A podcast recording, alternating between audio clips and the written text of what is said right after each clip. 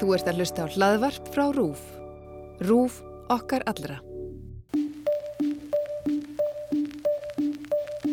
I mean, long story short, Jews asked for asylum and the Minister of Justice said no. Sko voru náttúrulega ríkjandi mjög svona þjóðverðnislegar hugmyndir. Ég man eftir einu skjali þar sem var bara fjölsölda með bara nýfætt barn. Það var ástæða fyrir ráðamenn þá að vilja fá okkur flutt úr landi. Þeir fengur neitun.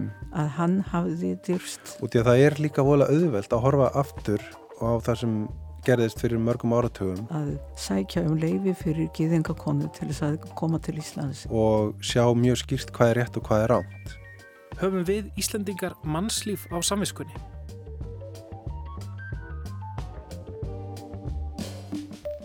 Þann 10. mæ 1940 steg Breskur herr á land í Reykjavíkurhöfn.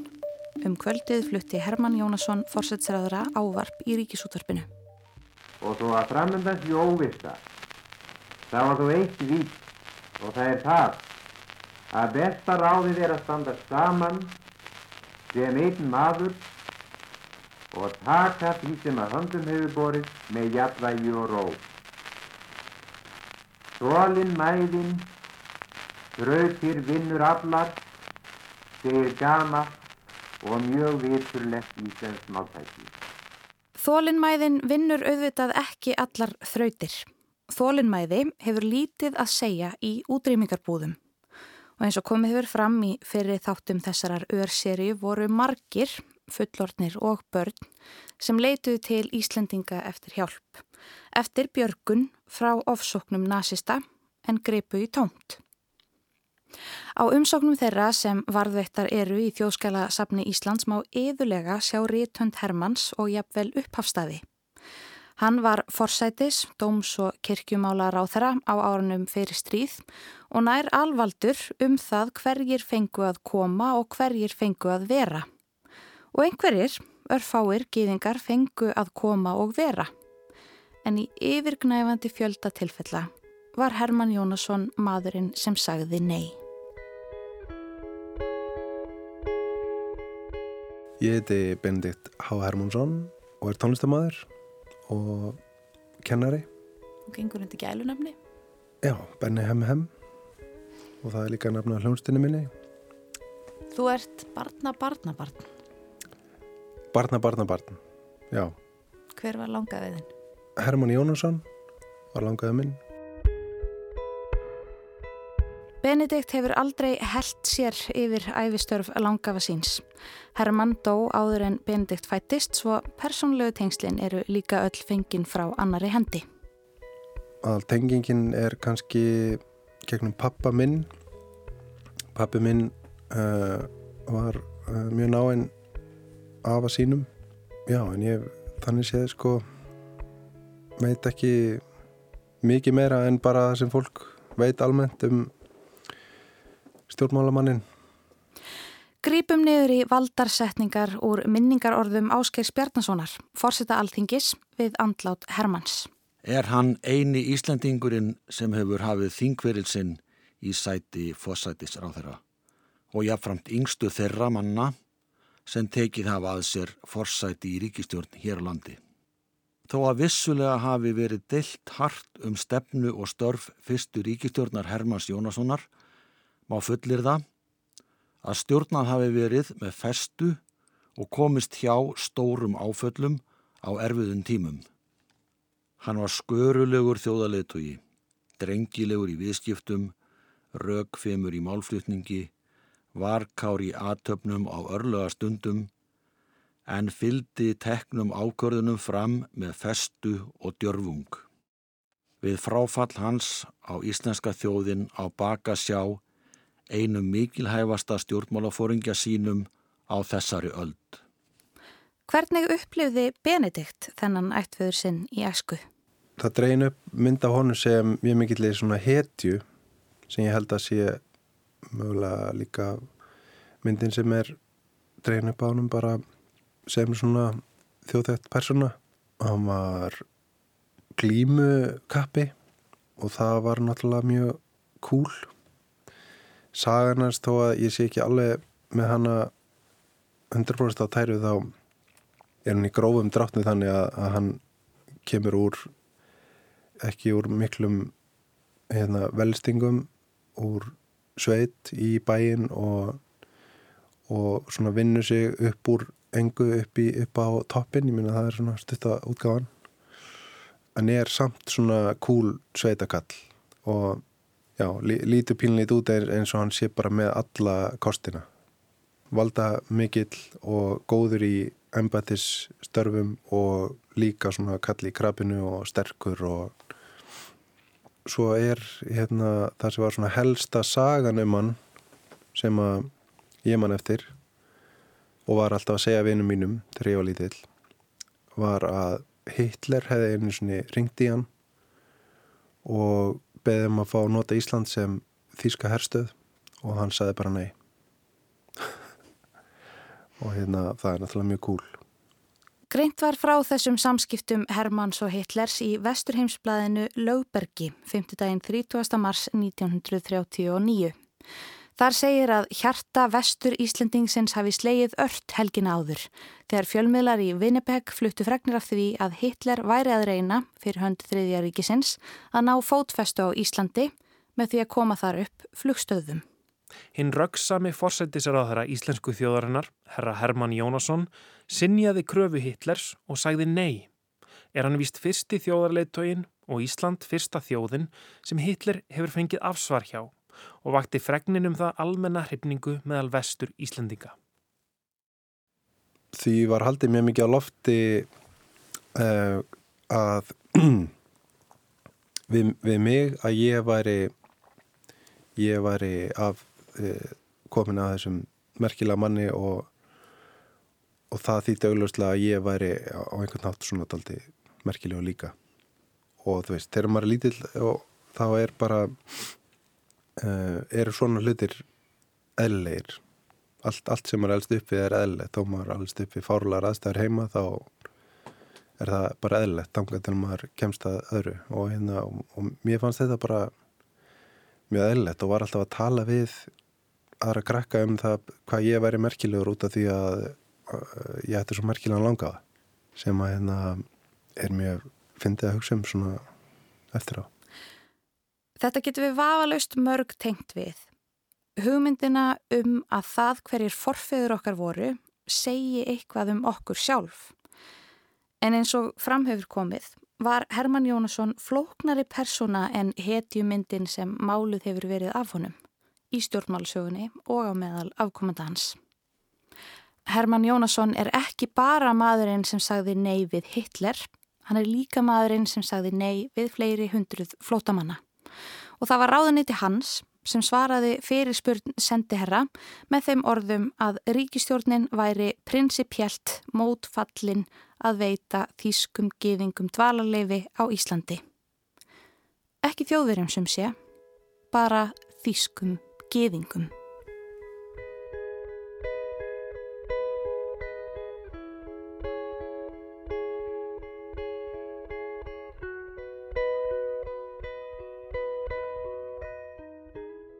Í síðasta þætti þessarar örserju sagði Sibyl Urbansis okkur frá því að Hermann hafi reynt að fá fjölskyldu hennar vísað úr landi eftir að fadrinnar sótti um landvistarleifi fyrir móður ömmu hennar, Ilmu Grúnbám og afasistur Valeri Núman.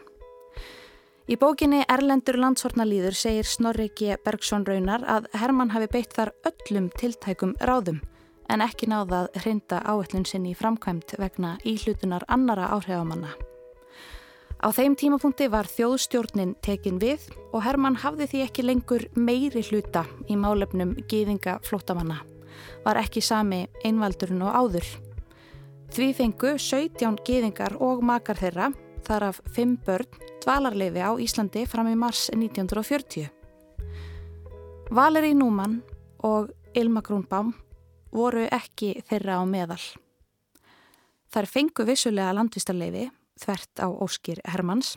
Á umsók þeirra tók hann sérstaklega fram að hún væri samþygt samkvæmt álíktun meiri hluta ríkistjórnar. Hann var ekki í þeim meiri hluta. En Hermann hafði tafið mál Urbansís fjölskyldunar það lengi að konurnar komist ekki frá Östuríki. Valeri Njúmann, afasistir Sibyl, var flutt í Theresienstadt búðirnar 1942 og myrt þar 9. ágúst 1944. Amma Sibyl, Elma Grúnbaum, var flutt í sömubúðir í janúar 1943 og lést tæpum þremur vikum síðar. Fyrir mörgum árun las ég æfisögunans, mann eftir að spáð í það þá hvernig sagan er aldrei augljóslega svona editeruð eða bara æfisögur almennt færa umfjöldunarefnið eitthvað neginn. Og það skiptir eiginlega ekki máli hvort það er stjórnmálamaður á Íslandi eða einhverju hérna framúrstefnu listamæður í Breitlandi eða þú veist, ég, ég er daldið daldi hérna, veikur fyrir svona æfisögum almennt en hérna maður veit alltaf að maður er að fá daldið mikla lo lofræðu og maður bara, ef maður setur sér sjálfur í þau spór að skrifa sín eigin æfisögu veist, eh, maður er mjög illa dómbær á að hvaða hérna, hvaða slæmur hliðar er að fylgja með. Kannski sérstaklega er maður er í litlu samfélagi þá tekum maður aðeins síður slægin við fólk og því að það er allir svo nálat manni. Ef maður hefur einhver tengsli við nazista þá veist, það, það, er, það er svo kyrfilega búið að dæma það rangstætt í sögunni. Þannig að hérna það bara talar engin um það. Ef, ef maður á einhverja fortíð sem nazisti þá er engin að, að hérna, tala um það einhvern veginn í, yfir kaffinu. Það skal tekið fram að hér er engin að kalla Herman Jónasson nazista. Væri Herman sannlega hliðhollur nazismannum gæti stríðið hafa þróast á alltara leið. Hér væri kannski flugstöð byggð af þýskum hermönum en ekki bandarískum. En eins og framhefur komið, sagði Herman nei. Orðum það svo. Allir nazistar aðhyllast kynþáttahyggju en ekki allir þeir sem aðhyllast kynþáttahyggju eru nazistar. Og þó Hermann hafi haft mikil völd, nánast verið einráður um örlög alls þessa fólk sem vildi koma til Íslands, þá hlautan þau völd á grundvelli stuðnings annara stjórnmálamanna, framsóknarflokksins og almennings. Á þessum árum voru hugmyndir um hreinleika íslensku þjóðurinnar ríkjandi. Eins og kom fram í ástandinu svo kallaða þóttir hræðilegt að genalögin geti gruggast með bandarísku blóði. Svo hræðilegt að ríkistjórnin samti sérstaklega við bandaríkin að senda ekki svarta hermenn til landsins og sá samningur helt í ára tugi. Sömu hugmyndir um geðinga endur speklast víða í bladagreinum og skjölum frá þessum tíma. Jafnvel í umsóknum Íslandinga um landvistarleifi fyrir geðinga á flóta. Það sem sérstaklega er tekið fram að viðkomandi séu komin á aldur og ólíkleg til að fjölga sér á Íslandi. En eigmir líka af þessari geðinga anduð. Þegar orðinu geðingur er slegið upp í orðabók snöru kemur fyrst upp svarið maður af trúflokki geðinga og háð búsetu og næst svarið okrari, svíðingur, nyrvill. Svo þýðing er mert með smáu letri sem fornt skástrygg úrelt en enn í dag skýtur þessi merking þó upp kollinum í umræðum. Svo hversu fornt getur það verið í raun? Kanski er það fornt af því að fordómar ganga í erfir. Við fáum þá frá forfæðurum okkar og samfélaginu sem ól þá upp og það tekur tíma að aflæra þá. Nokkrar kynsluður jafnvel. Og það er auðvelt að vera vitur eftir á, horfa á syndir fyrri kynsluða og telli sér trúum að þær hafi ekkert með okkur að gera. Hafi ættmenni okkar ekki haft þráðbeina aðkomu að voðaverkum, er auðvelt að gleima því slæma og einblýna á hitt góða. Benedikt beigði þannig allavega lítinn hluta sjálfsmyndar sinnar í æsku á hugmyndum um hetjuna afasinn. En hvað gerist þegar svo speilmynd brotnar? En maður upplifir að það hafi raunverulega einhverja þýðingu fyrir mig á jákaðan hátt að, þessi hetja að vera langaði minn þá lítur að líka hafa þýðingu fyrir mig að hann hefur gert eitthvað sem hefur haft svona skjálfilegar afleðingar. Mér finnst hvorugt hafa, þú veist, ég, ég upplifi ekki að ég sé merkilegri maður út í að hann sé langaði minn. Og ég upplifi heldur ekki að ég beri ykkur voðaverk á aukslánum út í að hann hefur gert slæmarhluti en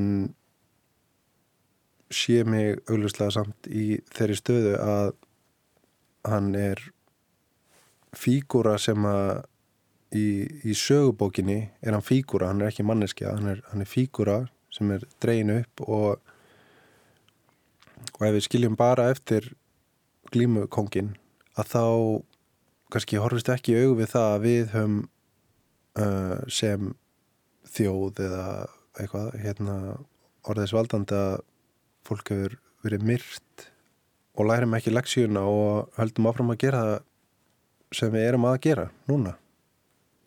Það er ekki eins og við búum í einhverjum öðrum heimi hvað það var þar núna og séum að horfa á einhverju skrítna hluti í fortíðinni. Það eru sömul hlutir að gerast og, og við verðum bara að hérna, breyta því. Menna, það, það er ekkit eitthvað svona mál til að rökra eða hvort við ætlum að hjálpa fólki sem er í lífsættu Ég er að velta fyrir mér hvort að það hafi breytt þínum hugmyndum um persónu langaðiðins að svona komast að því aðanvísaði geðingum úr landi og svo framvegis finnst þér í dag eins og hann sé þá óhjákvæmilega vondur maður? Já, ég, ég bara hef volað takmarkan skilning á því hvaða þýðir og ég finna alveg að ég hef ekki tengingu við hann eins og ég hef kannski við afa minn sem ég þekkti vel. Auglustlega hefur maður ekki tengingu við fólk sem maður er aldrei hitt. En hugmyndin um hann er ekkert svakalega sterk. Og ég finna alveg að einhver partur af þessu er hversu mikið maður stendur með sínu liði. Það er svona einhver partur af þessu finnst mér og ég, ég sé alveg fyrir mér að fyrir 20 árum eða eitthvað þá var töluvert fleira fólk sem að vissi hver hann var. Þá held ég að ég hefði ekki örgulega ekki þórað að opna munninum þetta. Þá hefði ég fengið aðeins meir í magan yfir því að vera svíkja fjölskylduna einhvern veginn. Einhver svona meðrugnis tauga viðbröð það er alveg eitthvað eftir af því núna. En ég, ég held einmitt að það sé ranga skrefi sem maður getur tekið að ákveða að standa með sínu liði frekar en því sem maður heldur að sé rétt. Og því að það er líka vola auðvelt að horfa aftur á það sem gerðist fyrir mörgum áratugum og sjá mjög skýrt hvað er rétt og hvað er ránt en þetta er óljósara núna út í að við erum bara inn í miðju miðri sögubók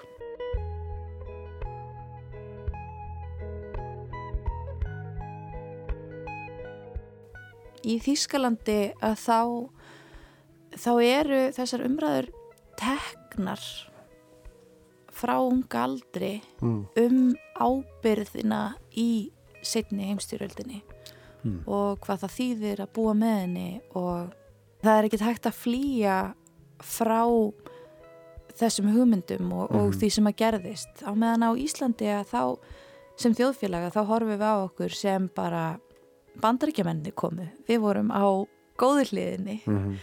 við vorum á réttur hliðinni en við gleymum kannski eða ítum svo myndi teppið því sem er óþægilegra og, og lærum ekki leksíunar mm -hmm. þú í rauninni veist ekkert mikið meira en meðal Íslendingurinn þú ert blóðtengtur manni sem að tók ákvarðanar hafði kannski manna mest um þetta að segja en þetta er líka maður sem Íslandikar kusu. Það var hópur fólk sem að barðist ötult gegn þessari stefnu og fyrir því að fá geðinga til Íslands en sá hópur hlaut ekkert ríkan hljómgrunn meðal þjóðarinnar þá lítur maður að velta fyrir sér sko hvernig samræðunar eiga að vera? Er orðið of seint að gera þetta upp? Eru of margar kynnslóðir á milli? Þurfum við að tengja við þetta? Þurfum við að skammast okkar? Hmm.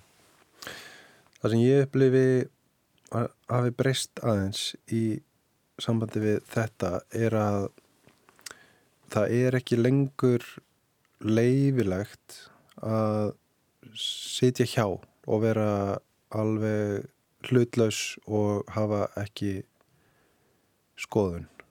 Uh, mér finnst það að hafa svona allavega hjá mér síjast svona kyrfila inn síðustu nokkur ár og hún hefur sérstaklega merkingu fyrir mér út af því að ég er í þeim hópi sem að á heiminn. Ég er kvítur, ég er kallmaður ég er miðaldra. Ég hef leiði til þess að gera hvað sem er sínist og hefbundin staða manna í minni stöðu er að sitja hjá ef það þóknast mér. Ef menn í minni stöðu eru bernir um að segja hvað finnst þér um þetta eh, málefni? Það er rosa auðvelt fyrir okkur að segja hvað okkur finnst um sjálfstæðisflokkin og bara fullt af mönnum finnst sjálfstæðisflokkurinn frábæra og myndi útskýra það og aðri myndi segja eitthvað aðra skoðun. En að tjá skoðun sína er eitthvað svona sem að kemur rosa eðlega út því að maður veit að vilja allir heyra mína skoðun á hlutunum, hvort það stendst samanbyrju raunveruleikan eða ekki, þá veit ég að vilja allir heyra hvað ég mér finnst. En ef ég þarf að horfast í augu við eitthvað og feysa eitthvað eins og þetta sem þú ert að spyrja múti í, þá get ég satt bara ég veit ekki. Og því að það er, það kemur mér í óþægilega stöðu að gera það og þá er eiginlega betra fyrir mig að finna einhver leið út úr því. Uh, en í þessum samengi sem ég finnst vera frekar nýtt er að ég hef ekki leiði lengur til þess að gera það. Og ég held að það í starra samengi eigi eftir að breyta einhverju.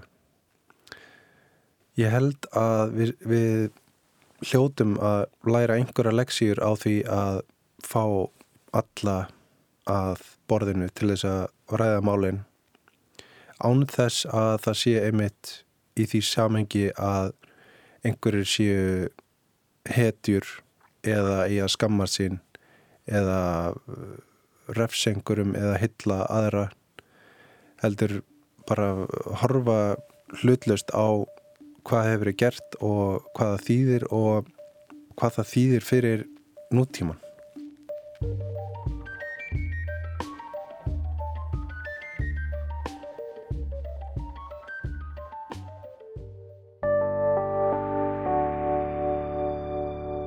Rúf okkar allra.